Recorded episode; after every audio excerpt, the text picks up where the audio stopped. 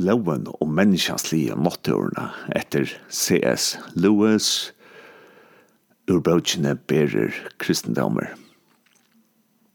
Vi tar alt hårst folk illnøytast. Vi kvørst joa ta stuttlet, og vi kvørst joa ta autespelet.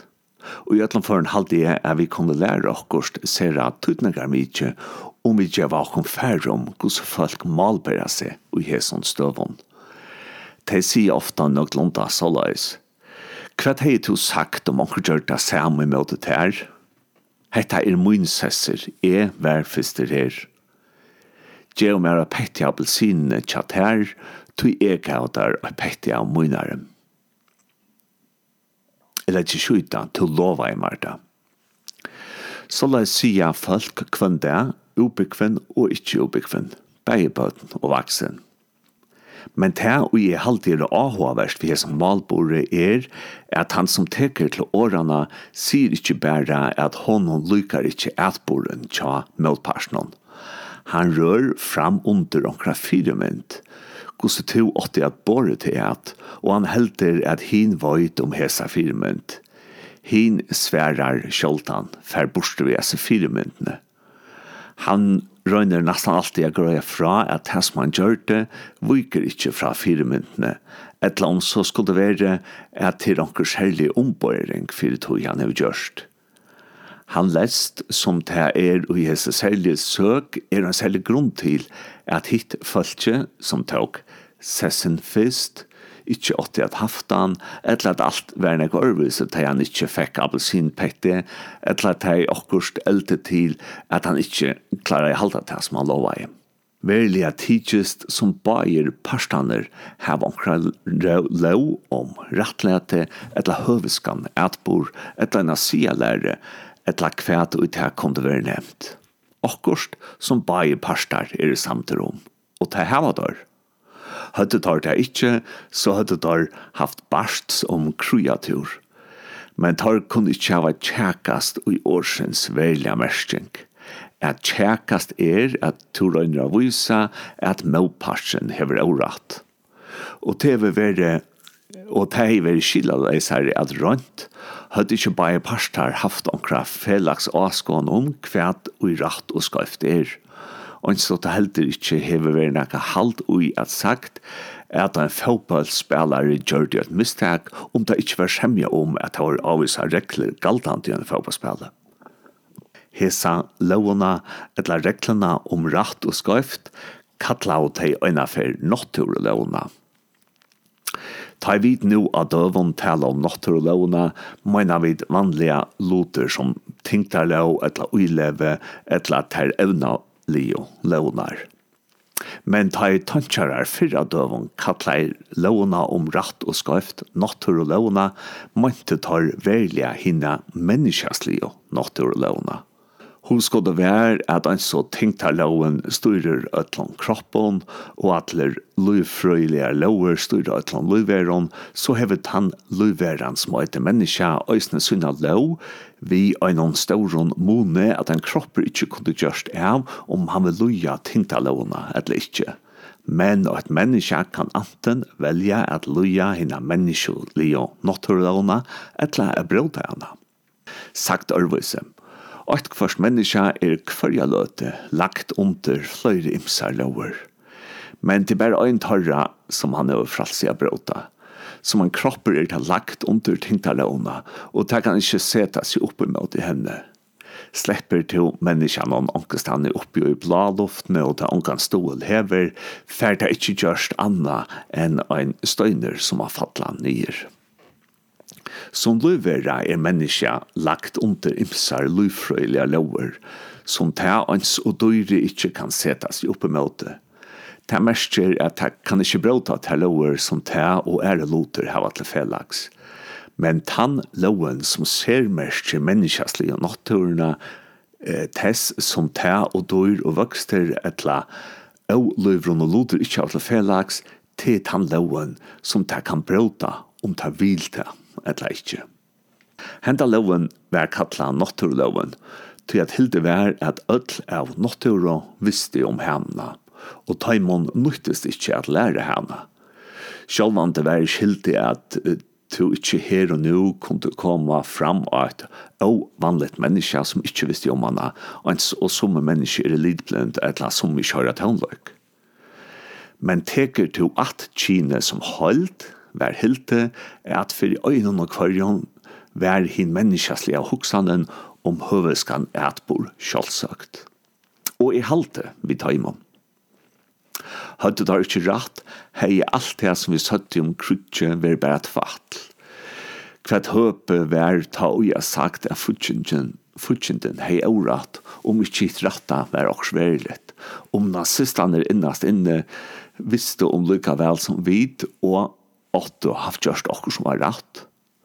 Hvis det tar ikke om det som vi halte er rett, kunne vi ikke haft bruksla taimann eh, tar det etbord. Jeg vet at som folk sier at hoksjonen om naturlovene et eller annet høvelskan etbord om okkur styr at menneske vita om er en miskylling. Tøy imsar, simenningar og imisk tøyarskøy hava haft pura imiska, sier lære, sier teg. Men det er ikke rett. Moner hever vært ui sia lære, men ønsken alltøker moner.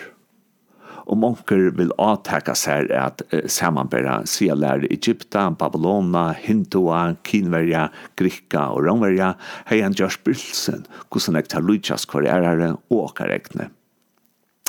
Nækser av vittnessporen om hetta har vi sauna saman og fromrit noen til en ærabøk øying menneskjans. Men vi endamal i okkara nu i hoa nøydes mer bæra bia lesarna hugsa om kan tøytning og en fullkomlige ørvise sida lera hei haft. Kanst du uimedant her et land her folk var gudja tog at hei romtur her noen etla at hei var ærren av at hei hadde snutt og falsa öll hei som hei hadde vært best vi så kom det til heldig rønt at uimynda tar et land her 2-2 var 5. Folk har haft imenskan askoa, askoaner om kvann du åtti over gaur vi, om til attøyna, landsmenntøyna, etla ødlfolk. Men det har alltid vært samt om at du øyer ikke er være beste vi til sjalvan. Sjalsakne hever ångkantøy være mekt hatt imsar askaner var isne veri om det åtti at haft en kone etla fløyre koner. Men folk har alltid vært samt om at du ikke bare skal teka der kvarje øyna som hårtun stender av. Men det løknast av ötlån er hettar. Hver ut du så hittir folk som eh, sier at det ikke helder at det er rett eller skøft til, så avsannar du at hetta fölkje ger kjøtt og imøte sin ekne av skoan. Kanska bryter til lyfte som tar galt her, men bryter til lyfte som tog av styr menneska for det harmast, og arnt her verre for det sier hatta er osømlet av det her. Ein kjøl kan sija at han hans mal i en kjøver på seg, men det samme vi finner ikke spytla til alt vi at de sija at hessen avvise tattmallen de skulle bråta være osømligere. Men heve sattmalen omkant tutning og er kvart i rett etla skøft til, sagt arvise, vært hansjen og til, kvart som under mittelen en sømlegan og ausømlegan sattmalen. Her var det ikke avduka at hei, kvært det så sier, kjenner lykka vel naturlovene som et lander. Ta i saman omkjemmer, vera vid at leta okkom linta at hetta hever lykka lyte vi ans og askoana gjerra, som til dømes faltinkartabellen hever. Er vi nu samtidig hesson, tætje ta opp av en annan tatt. Ønsken gjer verlega etter naturlovene. Ønsken av okkom lever opp til naturlovene. Skulle okkurst undan tætje veri okkar mittlen bygget til om ombering. Så skulle det helt til Lidsjøk stanna til ønske av tog i at med sida vi viker til som er perfekt. Og nå sier jeg vi til at det snikker mer til henne vanlige falskene som etter er teg og gjøre feiler. Jeg vil ikke tid for å miskylde til det som jeg alt med sida nå. Jeg prater ikke ikke, og en alvelte skal vite at jeg gjør mye opp for å være bedre enn jeg er. Jeg røyne bare få folk at djeva hese sandrøyn gater at ønsken torra lever opp til natturlovene. Og sannrønden er at i hesson året og i hesson manai et han ekvelder av hesson deg, hava, uh, hava vi glemt å bære oss så løs at, som vi vanta, at ånden skulle bære seg at med dråken. Kanskje kunne vi ombære oss noe imsen åt hinna fer tei to varst oratviser vi bøttene varst om over. Hetta iva samma pengamale som to nästan hevur glömt, var hinna ferna tei to varst og helt tronkan skån. Og så tei til lova jeg gjerra fyrir gamla grannan og onga det fekskjørst, og ja, Det hei til ånga det hef lova, krona i ten, gusen og til hei finnskjaft at just komande tøyna og vi vujkjante at bor i møte til kone, etla mamma, manne, etla syster, etla bodja. Hei han ikkje undra med at vet hei er vita gosse forargelig hese falsene kunne være. Og hver og vujver er i verja, ja, men det er bare han som er det Det er heller ikke etnast mer at gjør etter naturlovene. Og i samme lød til anker skid har vi med kvøytjast atler ombæringar i høyden og namer. Spurningren point nå er ikke om til gåar eller ringar ombæringar. Ta tutningar mest er at ombæringarna er et prekv at skjæt om hos fast vi lyta av naturlovene. Vilja vi ta, eller vilja vi ta ikke? Tryggvar vi ikke at å høvesker, eller høvesker atborer til, hvor skulle vi så være alt fra at ombære okken, ta vi ikke av han bor okken høvesker at. Sannleggen er at vi tryggva så fastlige at høveskur atborer er til, og at vi då launa og reklene så nøyvandige av herren okkara, at vi ikke kunne bære okkara vi kjenner at vi bråte henne, og tøyrøyna vi det skikva apertene av okkara tøy kjevd er fær om at te bæra ringa at bor okkara vil røyna bæra i bødeflaga fire. Te bæra ilsen i okkara vil grøya fra ta vi sia er vi til mau et løyta fot et la svong. Gåvult okkara kjeva vid okkun sjolvon ærna av. Nu er det tvei sjånarmi jeg skal leggja denta. Og i fyrsta leie er at menneskjum at han heim hava hesa sjolvsomme hukmynd at de øya at bæra seg at av en av sånn hatt, og de kunne ikke rettelig løysa seg fra hesar natterlåne.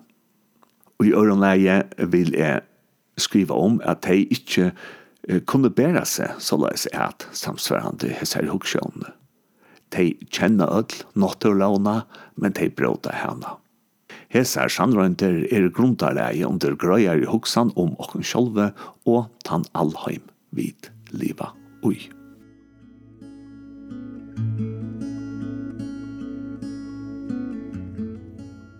Jeg er kommet nu til menighedsfakultetet i Aarhus, og jeg sidder her og skal have et interview med Kurt Christensen. Og Kurt er professor emeritus, nej, hvordan er det, man siger det? Emeritus. Emeritus, ja. Som, som kort sagt betyder, at, at, at han har været professor og er nu gået på pension, men han er meget aktiv alligevel. Så han skal undervise noget om islam nu i det her semester, som starter nu, og han har også været med i Center for Apologetik i mange år, og er også på sidelinjen der. Så ja, velkommen til Linden, Kort. Jo, tak, tak, tak. Har du selv været på Færøerne? Jeg har været der en tre gange. Nej. Som KFS-sekretær øh, var jeg der to gange.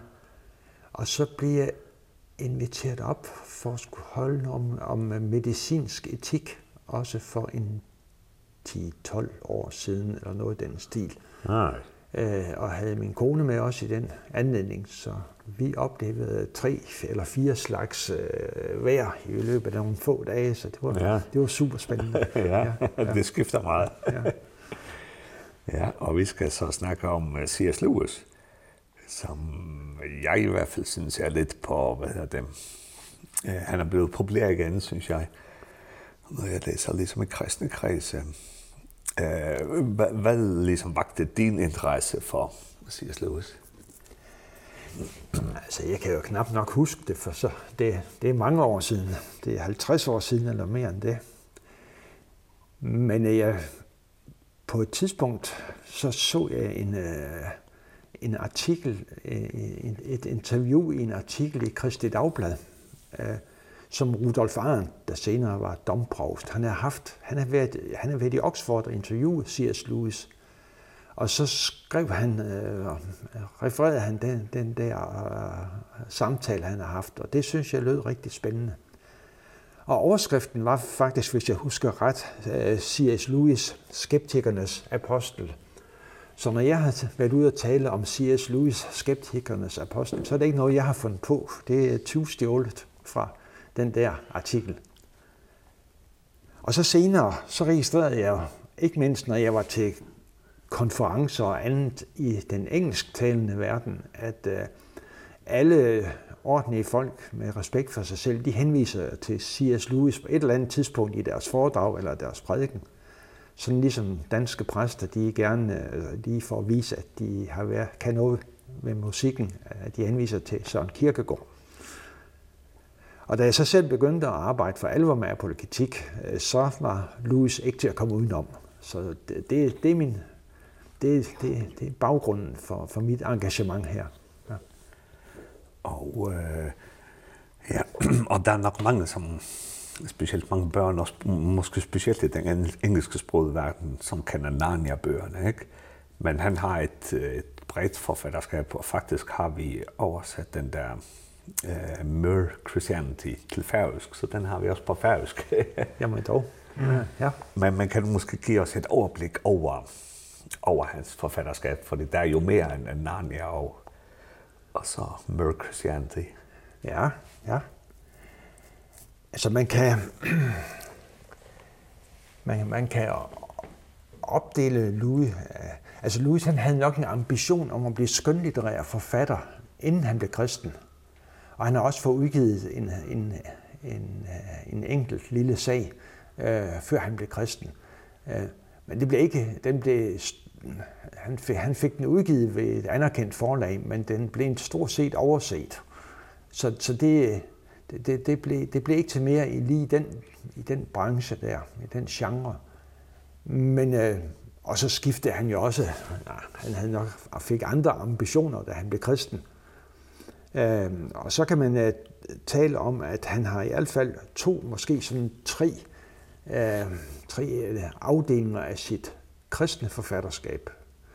Ehm, der er den direkte apologetik, som er mere Christianity, eller det er kristendom, som den hedder på, på dansk. Jeg er nu mest kommet i en ny oversættelse faktisk, men uh, det, det, jeg kender den som, det er kristendom.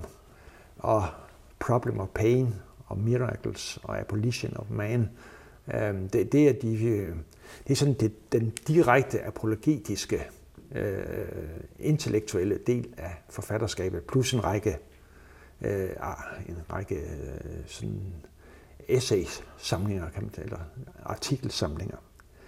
Og så har han øh, så også den, øh, ja, hans, øh, hans øh, fantasiafdeling med Narnia. Egentlig var, havde han skrevet en, en, en science fiction trilogi, altså tre bøger om science fiction, øh, før han gik i gang med det direkte apologetiske forfatterskab. Øh, og det efter han så øh, afsluttede, og det, det direkte apologetiske forfatterskab, det var stort set i 1940'erne. Og da det var så slut, så gik han i gang med Narnia-bøgerne, øhm, som så udgør, sammen med de der science fiction, det, det udgør den anden hovedafdeling. Og så er der en tredje, som er lidt vanskelig at, at rubricere, men det er, det er bøgerne øh, om øh, The Screw Tape Letters, altså fra helvedes blækhus, og også The Great Divorce, den store skilsmisse, øh, som øh, sådan ligger et eller andet sted imellem de her to genrer, som jeg netop har nævnt. Så alle de her tre ting, det er det kristne forfatterskab. Og så er der så endelig hans, hans decideret fagvidenskabelige forfatterskab, som jo de fleste ikke kender til, medmindre man er ansat på engelsk, i engelsk litteratur eller noget i den stil. Så altså, der er den, den der første lille bog, og den skønlitterære, så er der tre dele øh, kristen forfatterskab, tre genrer der, og så er det det direkte fagvidenskabelige.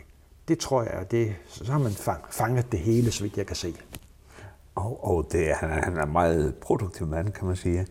Øh, og, og, og, og, og, hvorfor tror du, han har bredt sig over så, så mange genrer? Altså, når du siger produktiv, så, så, var han, så er han produktiv, og han er også hurtig. Altså, der går en historie om, at øh, ham og Tolkien fra Ringenes Herre og Hobbiten, de var jo gode venner, og de mødtes normalt en gang om ugen i mange år på en pop i Oxford og fremlag dem plus nogle andre. De var en gruppe, der blev kaldt The Inklings, og de mødtes hver, hver en gang om ugen der en formiddag og, og drøftede verdenssituationen og kastede idéer op til bøger. Og så går historien altså på, at flere gange så kom Tolkien med nogle idéer, og så 14 dage efter, så kom Lewis med en bog om den idé. Han var lynhurtig til, til at skrive. Mens Tolkien han arbejdede i overvis, så, så var Lewis han var lynhurtig til at, at skrive. Og han skrev meget. Og øh, Og du spørger så, hvorfor han skrev over så mange genrer? Jamen altså, det var... Altså, det er rent fagvidenskabeligt, kan man sige. Det var han jo nærmest tvunget til. Det var hans arbejde. Ja, hvis, hvis, hvis, man vil, hvis man vil gøre sig inden for den branche der, så, skal, så bliver man nødt til at producere noget sådan med, med passende mellemrum øh, inden for et, ens fagfelt. Men ellers var det jo, der, der var Jeg tror, de, de der forskellige genrer, kristne forfatterskabet er inddelt i, at, de, at det hænger sammen med hans øh, to sider i hans personlighed. Han var lynende øh, skarp, sådan, øh, in, hvad angår intelligens, og så har han en udviklet fantasi. Så jeg tror simpelthen, at øh, den, det direkte apologetiske forfatterskab med det er kristendom med Christianity og så videre. Det er, det er en, det springer direkte ud af hans øh, intellektuelle øh, side og øh, fantasien øh, Narnia bøgerne, de springer ud af hans fa fantasisiden i hans personlighed. Og, og øh, ja, du har kommet lidt ind på det, han blev jo omvendt altså som sammen ja, senere i livet, ikke? Øh, men man kan fortælle lidt om, om ligesom hans biografisk historie, altså sådan en oversigt over ja. hans liv. øhm, han blev født i Belfast, i det der nu er Nordirland. Øhm, dengang var det en del af, af, af Storbritannien, øh, hele Irland. Øhm, men øh, det, det er nu en del af, af, af Nordirland, og der, død, der, der blev han født i 1898. Og så døde han i Oxford i 1963. Hvis du husker ret, så var det samme dag, som John F. Kennedy blev skudt. Blev, blev myrdet i Dallas i, Texas. Og så, så faldt det alligevel lidt. Så, så, så var det ikke Louis, der, der, det var ikke hans død, der sådan tog overskrifterne øh, i verden. Men altså, det var, han døde den dag. Og set fra en vis synsvinkel, så, tror, så synes jeg, så Louis har levet et kedeligt liv. Han har kun været i, stort set har han kun været i Nordirland og så i England. Han var et smut i øh, Frankrig, hvis jeg husker ret, som barn med, sin, øh, med sine forældre, og så var han i Grækenland, da han var blevet gift øh, i, sidst i sit liv.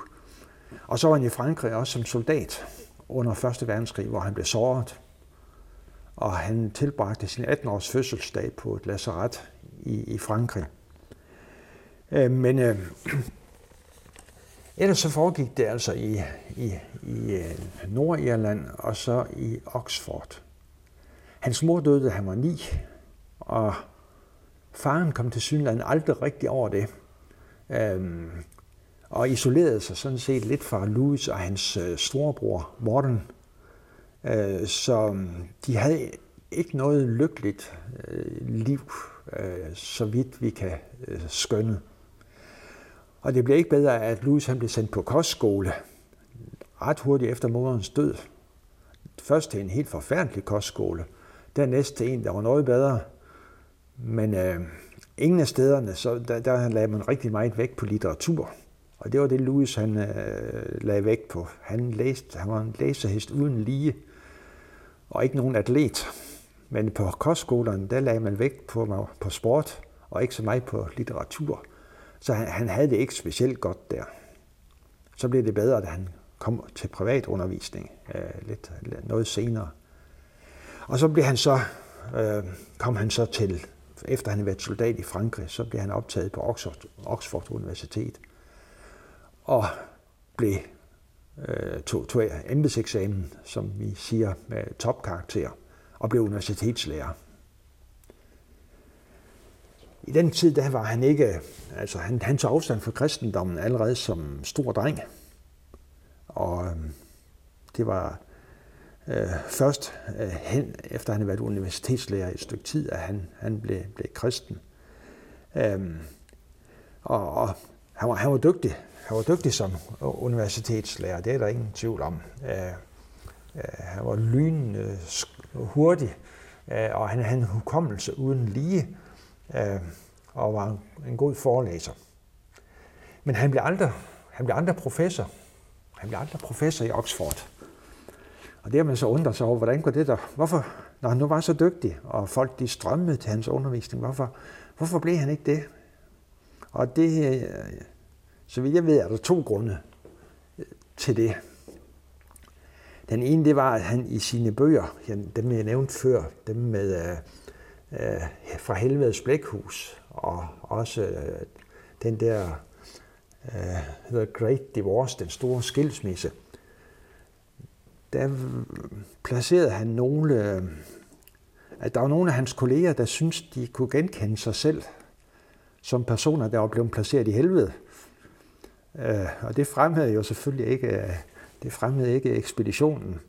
Og så har han også, så har han også ved en tidligere professoransættelse, der han lagt sig i selen for en bestemt person og fik ham ansat. Og så viste han var helt udulig som professor af en kollega. Så det var en fadase, som gjorde, at de nok var lidt skeptiske til Louis' dømmekraft, hvad det her angik. Og så var han alt alt mere kendt for sit populære kristne forfatterskab end for sit videnskabelige forfatterskab. Så det var grunden til, at han aldrig blev professor, så vidt jeg ved. I, altså, det var så vidt jeg ved grunden til, at han, han ikke blev professor i Oxford. Men så blev han det altså til slut i Cambridge. Uh, han blev boende i Oxford og, og rejste sig frem og tilbage mellem Oxford og Cambridge. Uh, men, men der blev han uh, indtil sin død i 63. Der, der, der var han professor fra 54 til 63 var en professor i Cambridge. Ja. ja. Det var det var vel i store træk. Ja, helt kort. Ja. Man kunne sikkert snakke i flere dage om det. ja, det, det, det kunne man også. Og så, ja, så ikke jeg rigtig været inde på hans, øh, hans ægteskab med, med Joy Davidsman, Gresham. Øhm, og det, det var en lidt problematisk sag, øhm, fordi at hun, øh, hun var fraskilt. Og det... Øh, øh, og, og Louis han mente så, at fordi hendes mand, han var fraskilt, inden hun giftede sig med ham, så var det aldrig blevet et rigtigt ægteskab. Det var ikke, øh, så, så dermed var hun ikke gift, fordi det første ægteskab, det, det hun havde haft, det, det, det, det, var, det var ikke ok. Så derfor kunne han tillade sig at gifte sig med hende, fordi hun var ugift, selvom hun havde to børn med ham.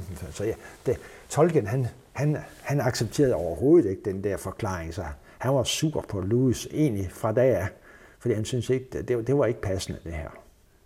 Men øh, den, hele hans øh, ægteskabshistorie, det er den, man har, har fået, øh, der bliver fremstillet i, i filmen Shadowlands med, med Debra Winger og jeg tror Anthony Hopkins i, i, i hovedrollen. Øh, Så det kan man se, hvis man er interesseret i, i den del af Louis' liv, øh, så kan man se det der. Og Joy, hun døde så, og det gav anledning til, han, øh, han jo skrev en... Han, han følte, at han blev snydt. For det første troede han hun, aldrig, hun ville overleve, den de blev gift. Øh, øh, så, så Gud snød ham, da hun blev rask, og så snød Gud ham igen, da hun blev syg igen og døde. Og, og hele det øh, den, den, den, den erfaring der, den øh, møder vi i bogen En sovens dagbog, øh, som Louis han skriver. Jeg lige spørger dig om den der film Shadowlands. Synes du, at det er en, er det en troværdig gengivelse af det, som skete med ægteskabet?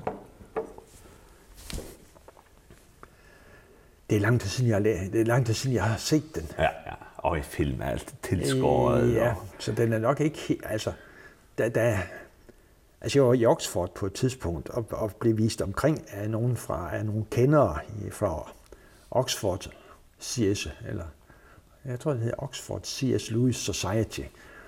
Og der, var, der blev jeg kørt rundt og vist alle de væsentlige steder, kirken og hans hjem og poppen. Hvor han, og ham, der viste mig rundt, han sagde i hvert fald, at de havde været konsulenter for det der C.S. Lewis Society på filmen. Ah, okay. Og de havde påpeget forskellige ting, som de mente ikke var øh, ikke øh, var, var, var rigtigt. Øh, blandt andet, at der var et, jeg tror, der var et fjernsyn i Louis' hjem. Og Louis han har aldrig haft hverken radio eller fjernsyn, så det havde de påpeget. Det, det hørte de i hvert fald ingen steder hjemme, fordi at han, han læste ikke aviser, og han øh, så ikke fjernsyn og, og hørte ikke radio han sagde, at hvis der skete noget væsentligt her i tilværelsen, så regnede han med, at der var nogen, der ville fortælle ham det. Ja. Så, det var, så det meste af det, der foregik, der, det daglige, det var der aldeles ligegyldigt efter hans mening. Ja. Så det var en, det, så de var ikke helt tilfredse, i hvert fald i C.S. Lewis Society, med, med forskellige dele af, af den der film Shadowlands. Ja. Eh ja, og vi har snakket lidt om hans omvendelse, omvendelse men hvis vi tager ligesom måske det, hans kristne liv, og så har jeg spurgt her om hans kirkelige ståsted. Hvor, hvor, hvor står han sådan? Er det den anglikanske kirke, eller hvor, hvor står han sådan menighedsmæssigt? Ja, han kom, han, han var vokset op i, i Nordjylland. Der var han vokset op så, i en anglikansk sammenhæng. Så forældrene de tog ganske ofte ham og broren med i kirke. Men Louis han øh, mente nu, det var mest for at demonstrere, at de ikke var katolikker. Det var ikke fordi, de egentlig gik i kirke for at lytte til forkyndelsen. Det var mere for, at alle naboerne de skulle vide, at når de nu gik i den anglikanske kirke, så var de i hvert fald ikke katolikker. Øhm. I indledning til det kristendom, der skriver Louis lidt om, at, at det, han, det han ønsker at præsentere for folk, det er ikke hans egne meninger, og det er ikke en speciel konfession, en bestemt kirkeretnings synspunkter. Men det er det, som er øh, normal kristendom, eller klassisk kristendom. Og, og, og det er hans grundlæggende position, at han er ikke, han er ikke katolik, han er ikke pinsemand, øh, han, han er anglikaner og står i midten af den, af den anglikanske kirke. Så, den havde også, den er både anglikale, evangelikale elementer og meget højkirkelige elementer af den anglikanske kirke. Han, han ønsker en stol øh, midt i det hele ja. og præsenterer for folk det, som alle øh, konfessioner burde kunne genkende som noget centralt. Og, og ja, grunden til, at jeg så tog det her interview, ikke, det er, at øh, jeg ligesom har observeret, at, at der er lidt en popularitet, der stiger igen om C.S. Lewis, så eh, nogle gange har jeg syntes, at hans bøger var lidt svære at læse, men så er et forlag, der hedder ProRex, de har kommet med nye oversættelser, som i hvert fald for mig er sådan, eh, lidt nemmere at læse. Og jeg har set en konference, som bliver nu i Danmark, og jeg har set nogle forelæsninger på på nettet er det en rigtig observation, som jeg har, at, at han ligesom kommer lidt op i popularitet igen. Eller han, har, han var måske været der hele tiden. jeg tror egentlig, han har været der hele tiden. Øhm, vi har holdt øh, velbesøgte forelæsningsrækker her på, på menighedsfakultetet for nogle år siden. Øh, og øh, jeg, jeg tror egentlig, at det, det er selvfølgelig... Man kan sige, det, den den den nye grupper, der, der, der opdager ham sådan med, med, med, med jævne mellemrum. Eh og, og jeg tror i hvert fald i den, i den engelsktalende verden, der der har Louis været... Øh, ja, der der, der har Louis øh, hele tiden været, øh, været, været ganske eh, populær. Ja. Præcis, ja.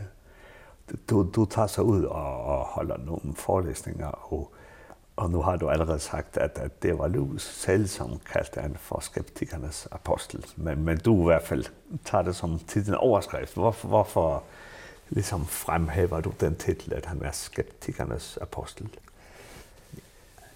Ja, man kunne jo man, man, man, man kunne jo kalde ham også tvivlernes, eller de søgendes, eller måske endda de intellektuelles apostel. Det lyder selvfølgelig lidt uh, sådan arrogant og, og sådan...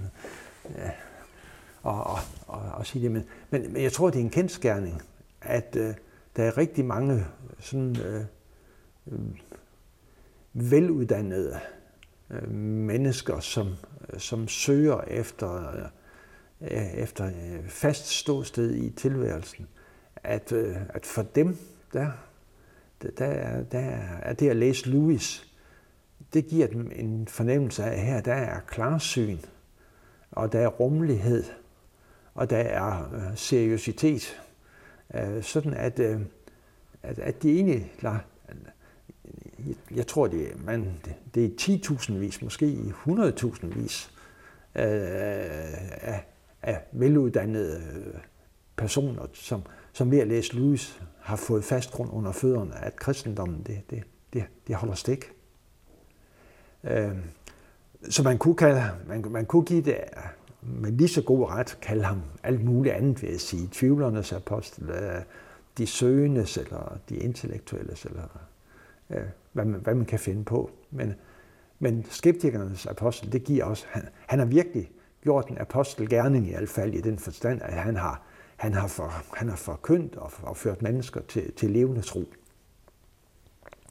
Og øh, ja og og det er så at at det kommer vi at snakke om senere, om man kan måske bruge ham til evangelisering men men sådan for os kristne kan, kan vi lære noget om hans måde at at bedrive apologetik på. Jamen, det, jeg tror, vi kan lære en, jeg tror, vi, jeg tror egentlig, vi kan lære en hel del. Mm. Øh, altså, Louis, han var, han var ikke bange for at svømme imod samtidens kulturelle og ideologiske strøm.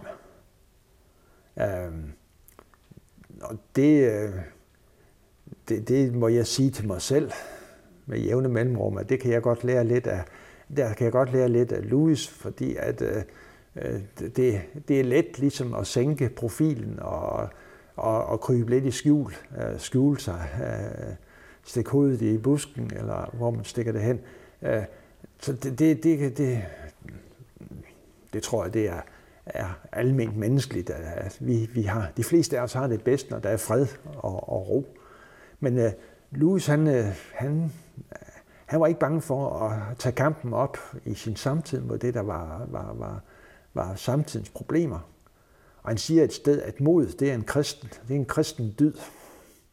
Og det, det tror jeg, vi har godt af at blive mindet om med, med, med jævne mellemrum. Så mente han også, at, at virkeligheden dybest set står på kristendommens side.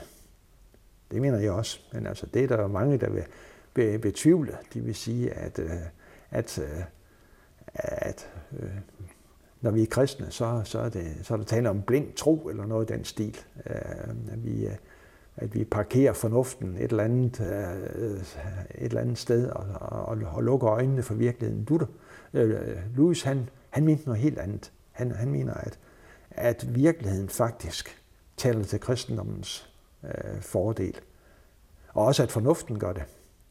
Det, det, det, det, han, det, det kommer ikke mindst til, til udtryk i, øh, i For helvedes blikhus. Øh, at øh, der, der er det, der er virkeligheden af fornuften. Den, det, er, det peger i retning af kristendommen. Og, og så, så var han jo engageret i det her. Altså man kan sige, på en måde var det måske et, et fritidsarbejde for ham at være kristen apologet, fordi han var, han var jo ikke teolog, og han var ikke forkynder.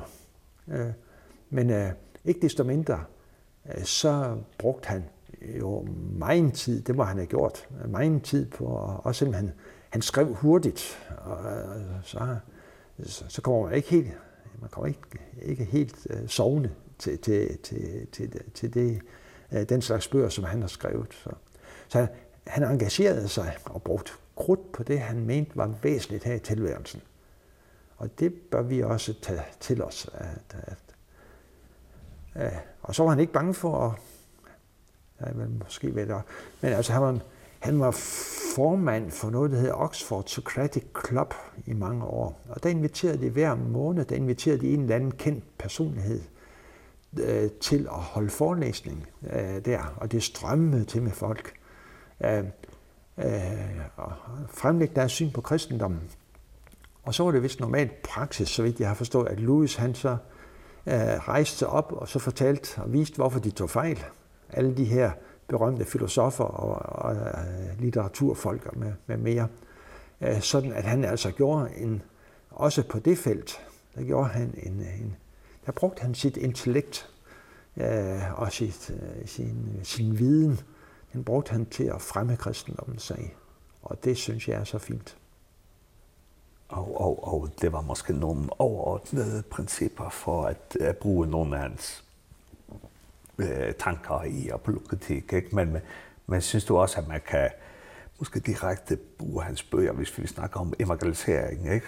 Kunne man bruge Narnia-bøgerne, eller kunne man bruge en del af hans apologiske værker til, til direkte at, at vidne for sine venner og kollegaer. Og er, er han ligesom øh, egnet til det? Er, det? er det så gængeligt, at man kan bruge det udad til også?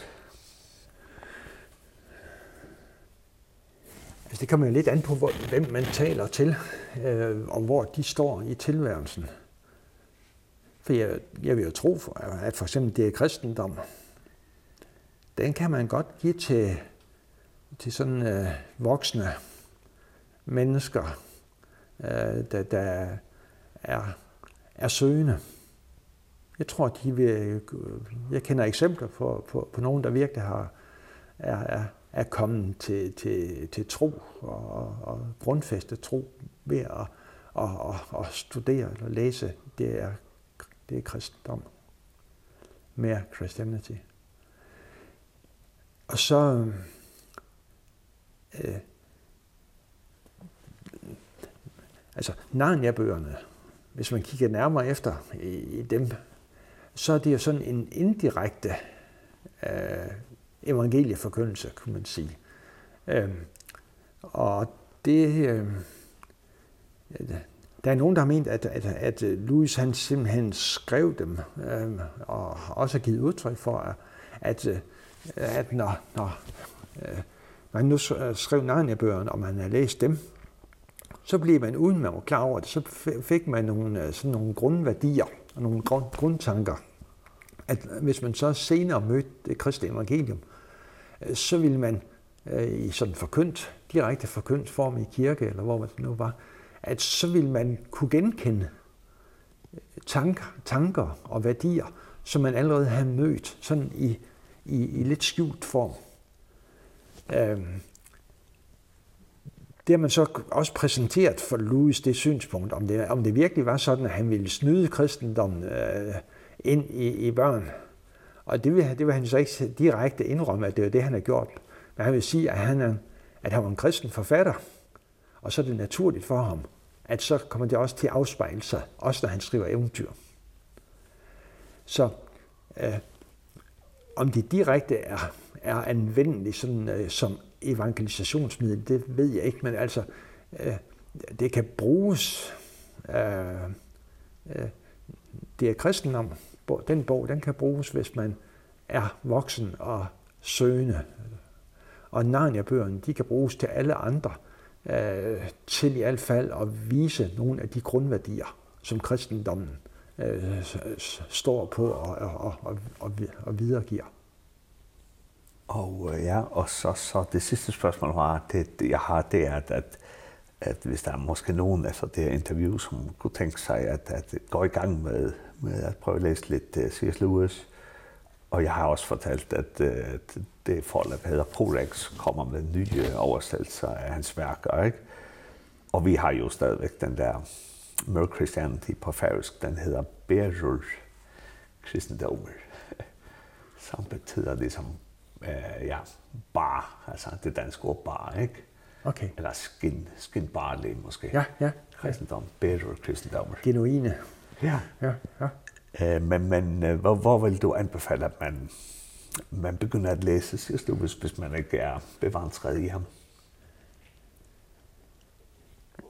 det er også lidt afhængigt af, hvor man er i, i, i, i livet. Altså, Narnia-bøgerne, de er jo, de, de er jo gode for de fleste. Men det, så, det kræver måske også, at man så også er, er har sans for sådan uh, eventyr, uh, science fiction, uh, et eller andet. Uh, så, så det er... Uh, hvis man... Uh, hvis man synes, at, at lidelsen er det helt, og ondskaben er det helt store, den helt store hindring øh, for at tro på en øh, kærlig og retfærdig Gud. Og det er måske, når det kommer til stykket, den, den, øh, den indvending, som er den, den betydeligste imod af en, en kristen livsopfattelse og en kristen gudsforståelse. Øh, så giver Lewis med sin bog Problem of Pain, han giver ikke det endegyldige svar. Det synes jeg ikke. Men han giver komponenter til et svar. Øh, der, der er en lang række øh, sådan, øh, synspunkter, som vi møder i den bog, som jeg synes er med til at, at, at, at gøre det muligt at fastholde et tro på en kærlig og almægtig Gud, også selvom vi befinder os i en verden med lidelse og ondskab. Og som sagt, øh, hvis man øh, er, er, er mere Christianity, den, den, den, den har jeg altså meget sans for. Den, den, den, den vil være god for, for langt de fleste voksne. Men der skulle man så også tage, tage sig lidt tid. Altså, det er jo ikke sådan, det, det er ikke, det er ikke en pocketbog, som man bare læser fra kvart over 11 om aftenen, til man falder i søvn.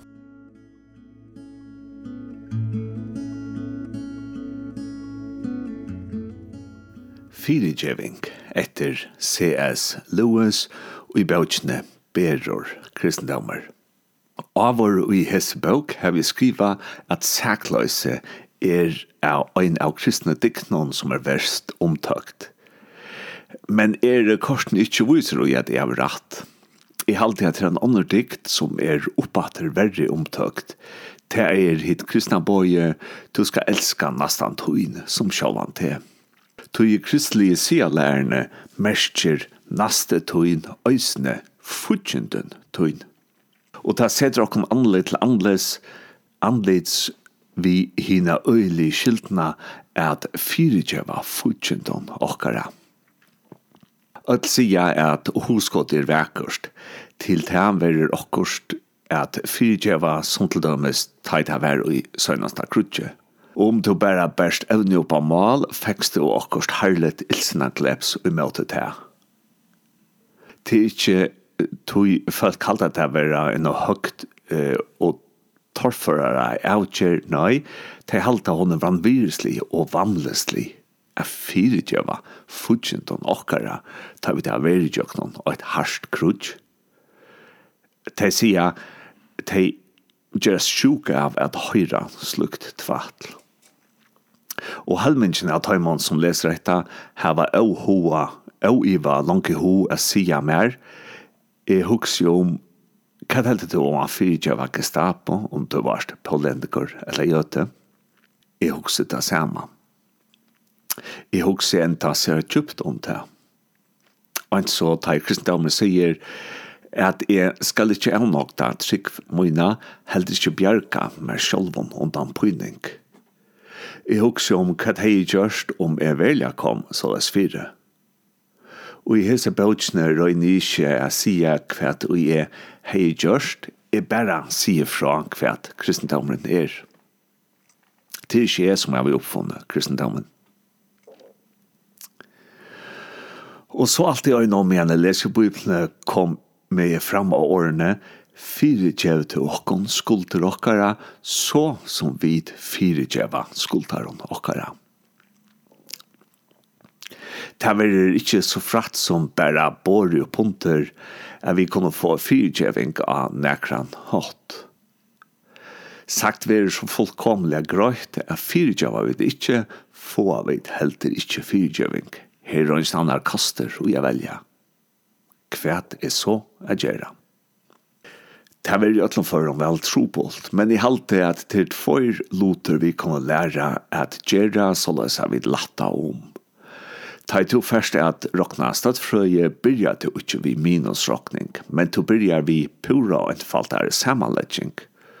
Sola ser røysene vid høylhoa vilja, men trøyten er høylhoa.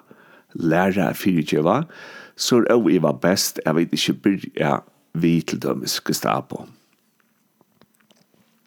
Du kanst fyrst fyrtjeva tjona fellava tøynon foreldren tøynon, bøtten og tøynon, et langt kron øron som teg var gjørst i møte der i søgnast vike. Hetta er oiva no mykje tjåkon fyrbils. Så kan du røyna få grøye av hva til sånne grøynlige mersker at elska nasta syn som sjålvan se. Jeg skal elska han så som jeg elsker sjålvan med, og i leie, men hvordan kan jeg elska meg sjålvan? ta i hugsi om det, har vi ikke bare samkjensle, eller alsk kjensle ved meg selv. Og meg tidlig ikke så frat at jeg alltid tror som vi alle sammen ved meg selv. Så at elska nasta min som selv var med, merker ikke at du skal ha samkjensle i hånden, eller at du skal halte han være ætråttar mikla.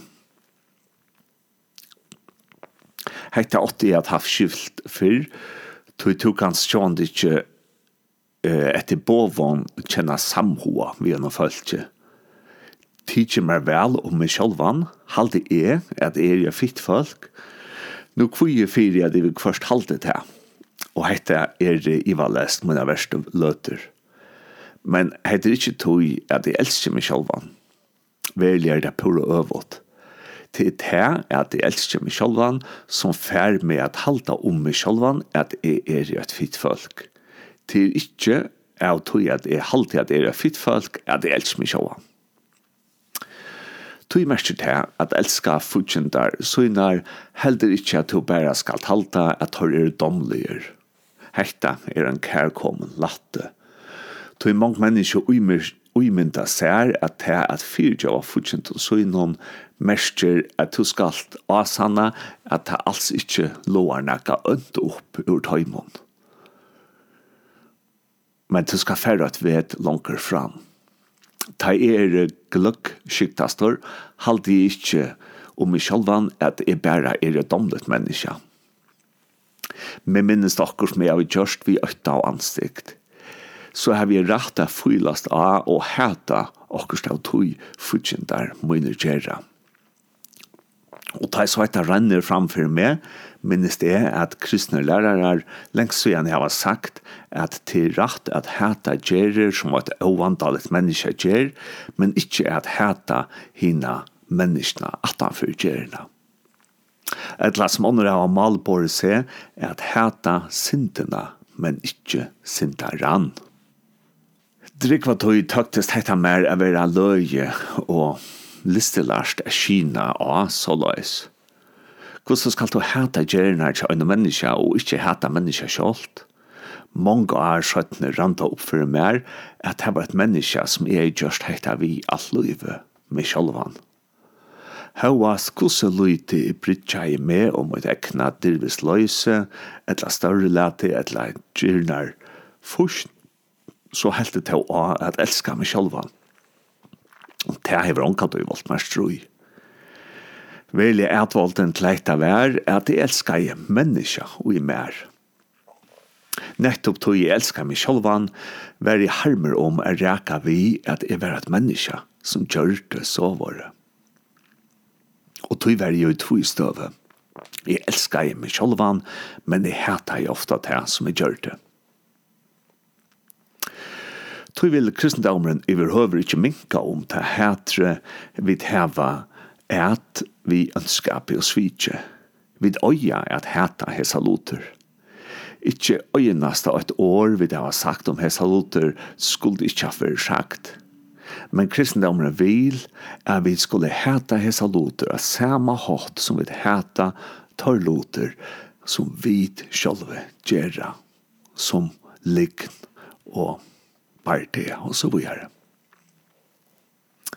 Vi skulle være hørme om at et menneske har vi gjørst så verre, og vi skulle vågne at om det er gjørligt av en eller annan hatt, onken tog et angstene at han må være grøyt og være gjørst menneskenslitt atter. Her er det at vi av olvara mer rønt. Lad oss si at vi i tøyne blei lesa om rævligaste bosta gjerrer. Lät jeg så si at at akkurst avvist tidje spenta av at sövan kaska er inte pura sånn, eller inte så rævlig som hon vil skriva om i avvisne. I fyrsta känsla okkara så, God have lov, enta, det er ikke så ønt. Etter er vid vannbråten og vilja helter halte akkom at henne opprona i søvne, bæra, asita og njóta tenslena at okkara fudgjende er under og hefur gjørst slukt und. Om hette er det søgnasta, som vi nevnte, er at vi er anstidselig i måte tog som hefur gjørst omkra. Borsdager, så kvui er fyrir at hette er fyrsta spori av tog vei som fyrir at enda vi er vid gjer okkom til djevlar Tu så er du vel aløys kommet et innskja at svarst vær at et sinter svarstare. Om vi lät hessa hoksan festa rötru i okkom för vi da innskja grått vær svarst og om suger øysne er kvitt vær svarst. at enda för vi da seto på at atle låter god vi nokkara og øysne vi sjolve er vanalig og vi är inte førfyr eller at det att gjerra titla. Vi færre evenlige at leggja fljötra og gjør noen heime her ønsker er til utan hæter og ildgjerer. Vi tar atter dit av okkom. er at elska nasta søgn. Mersker det at du ikke må refsa han, nei. Tui te at elska seg sjálvan, mersker ikkje at jeg ikke øye djeva meg sjálvan opp til refsingar, enda til deia. Hevet du myrst Hei til han, kristelig seg, være rett å give seg sjolvan opp til røklegrene og kanskje at være avratt av. Etter å asko av mine er det tog rett at en kristendomar dømer et menneske til deg. Etter at en kristen hermaver slær en futsjenta og i hel. Så les har vi alltid meint, lukkas igjen i Gjøres Kristen og lengt fire, sa et navnsvar det og jeg mener det enn øysene nå i frier er 18 av 17 hømspartiet. Ikke betar at frambæra Thomas ikke slå i hel. Og i griskom male er det tvei år for jeg slå i hel. Hitt vanlige året at drepa og året at myra. Og da Kristus ber fram hetta året, Thomas ikke slå i hel, nøyter han året myra i Trimon frasaknon i Marskos, Matteus og Lukas. Og mer er sagt at skilt verir sjåløs i mittlen av hebraisk og male. Alt drap er ikkje mår, ans og alt kinslitt samband ikkje er hår. Ta her men kom til Johannes Døybaran og spurte hva der skulle gjøre, greit han ikkje år om hva der skulle færa ur herren Det gjør Jesus heller ikke det han hittir romerskar her i menn. Såleis som vi skiljer det der er en kristna som er våpna av reagera en gaua søk er en diktar gau kristlig hoksan. Krutsk rævalet. Og mer fettler ikke ytla er vira en sannan kruksstøying og en friar arven at de halte at han er pura misteker seg. Jeg fei ikke sa holvanda støvna og i høtte tog gjevet her fær om noe av døven, som det falt genka og vala i tørre trygg, at hva til nøtter, at krutjast, øyer til å gjøre til en trejot, og til øyer skamma til om det. Til enda kjenslan som makt stjeler mongst orfunnsjen kristen ungfolk, som gjør herna hvert hennaste. Akkurst som det var rett til, som naturlig at stendst av at være djarver, og ans kins kæte og høyl huløytje. Jeg har mengan hoksa om hvordan jeg verre ta i gjør det tænaste i fyrra heimspartia om jeg og en unger tuskar hadde dripe kvann annan om samme månte. Og lød etter det okkar rakt og vi er vi bair vår av samme steg. Jeg tror ikke at uimynda mer er vi tatt i rokken etter bare vi føyer. Jeg halte at vi hadde haft tøyte utøy. Jeg halte at omk for å si til leie, men om til løft at døma gjer fudgjenlands og refsa han og takk han av døvon, kvæt er som monren av hinnom vandelige, sjånarminon og tøy kristlige. Halt ståre moner, sier jeg. Minst til er vi kristne trykva av et liva avonlige, Det som veldig har tøtning er tessvekna henne smave arrene, etla merskene i salene, og henne innara sanna menneska, som så vi og vi ombrøyder okkon til himmelskar, etla gjelskar verer. Vi kunne jo nei åt kjerst være nøyt at teka loiv, men vi skulle ikke heta etla bøynleis njota at heta. Vi kunne om nei åt kjerst være nøyt at refsa, men vi skulle ikke njota RFSA. Sagt ramligare, akkurst innan og jakon. Borsklega kjensla, eller hemdar kjensla, mo og boar vera tuntar. Jeg halte ikke at øyne kvør og i hese løte kan gjøre av at han ånka til atter skal heve seg kjensler. Så løs er lov ikke ta vid av vidt. Jeg mener jeg hver jeg fer sover og grugg kommer opp ur botten og jakken, det om det, så skulle vi køve til torrførst er det, men ikke avgjørlet. Enda tar vi teka av Luivi og Refsa, må vi røyne at hava som kjensler for fortjenta noen som det hava for okken sjolve. Innskja at han ikke var under. Våna at han i hesna heim med til hinnom heim noen vil grøtter. Jeg innskja honom frema. Til det som Bibelen sier, er at elska han. At vi innskja honom frema. Ikke hava samhova vi honom, etla si at han er fitt folk tar han ikke er det. Jeg vil ikke at dette merker at vi skulle elska mennesker som ikke særlig uh, tydelig hava at gjøre godt vi. Men er det noe særlig uh, tydelig ta jeg gjøre mye til det, to elskar bare at jeg til er to sjølver. Enda mal guds er at vi skulle elska åkt og kvørst menneska av sama hatt og av samme grund. Så ta i to av natture elska til sjálvan, til heta kanska ta ringe gjerir som to gjerst, men to er grunnleggjande gauur vid til sjálvan, så la skal to òsne grunnleggjande vera gauur vi andre mennesker. At djeva okkara ekna er sjálver, så hever god sunt okkon at talan er om me ans og andre mennesker. Kanskje at han lattaste maten er at vi må minnas til at god elskar okkon. Ikke av tog er vi hava nekra røynar og dømligar gavor, men øyna og løyna er at vi er mennesker er vid er det oit e som god heve skapa. Tui av sonnon er ontsje anna i okkon av elska, det som god heve skapt okkon til innast inni a gjerra gauar gjerningar.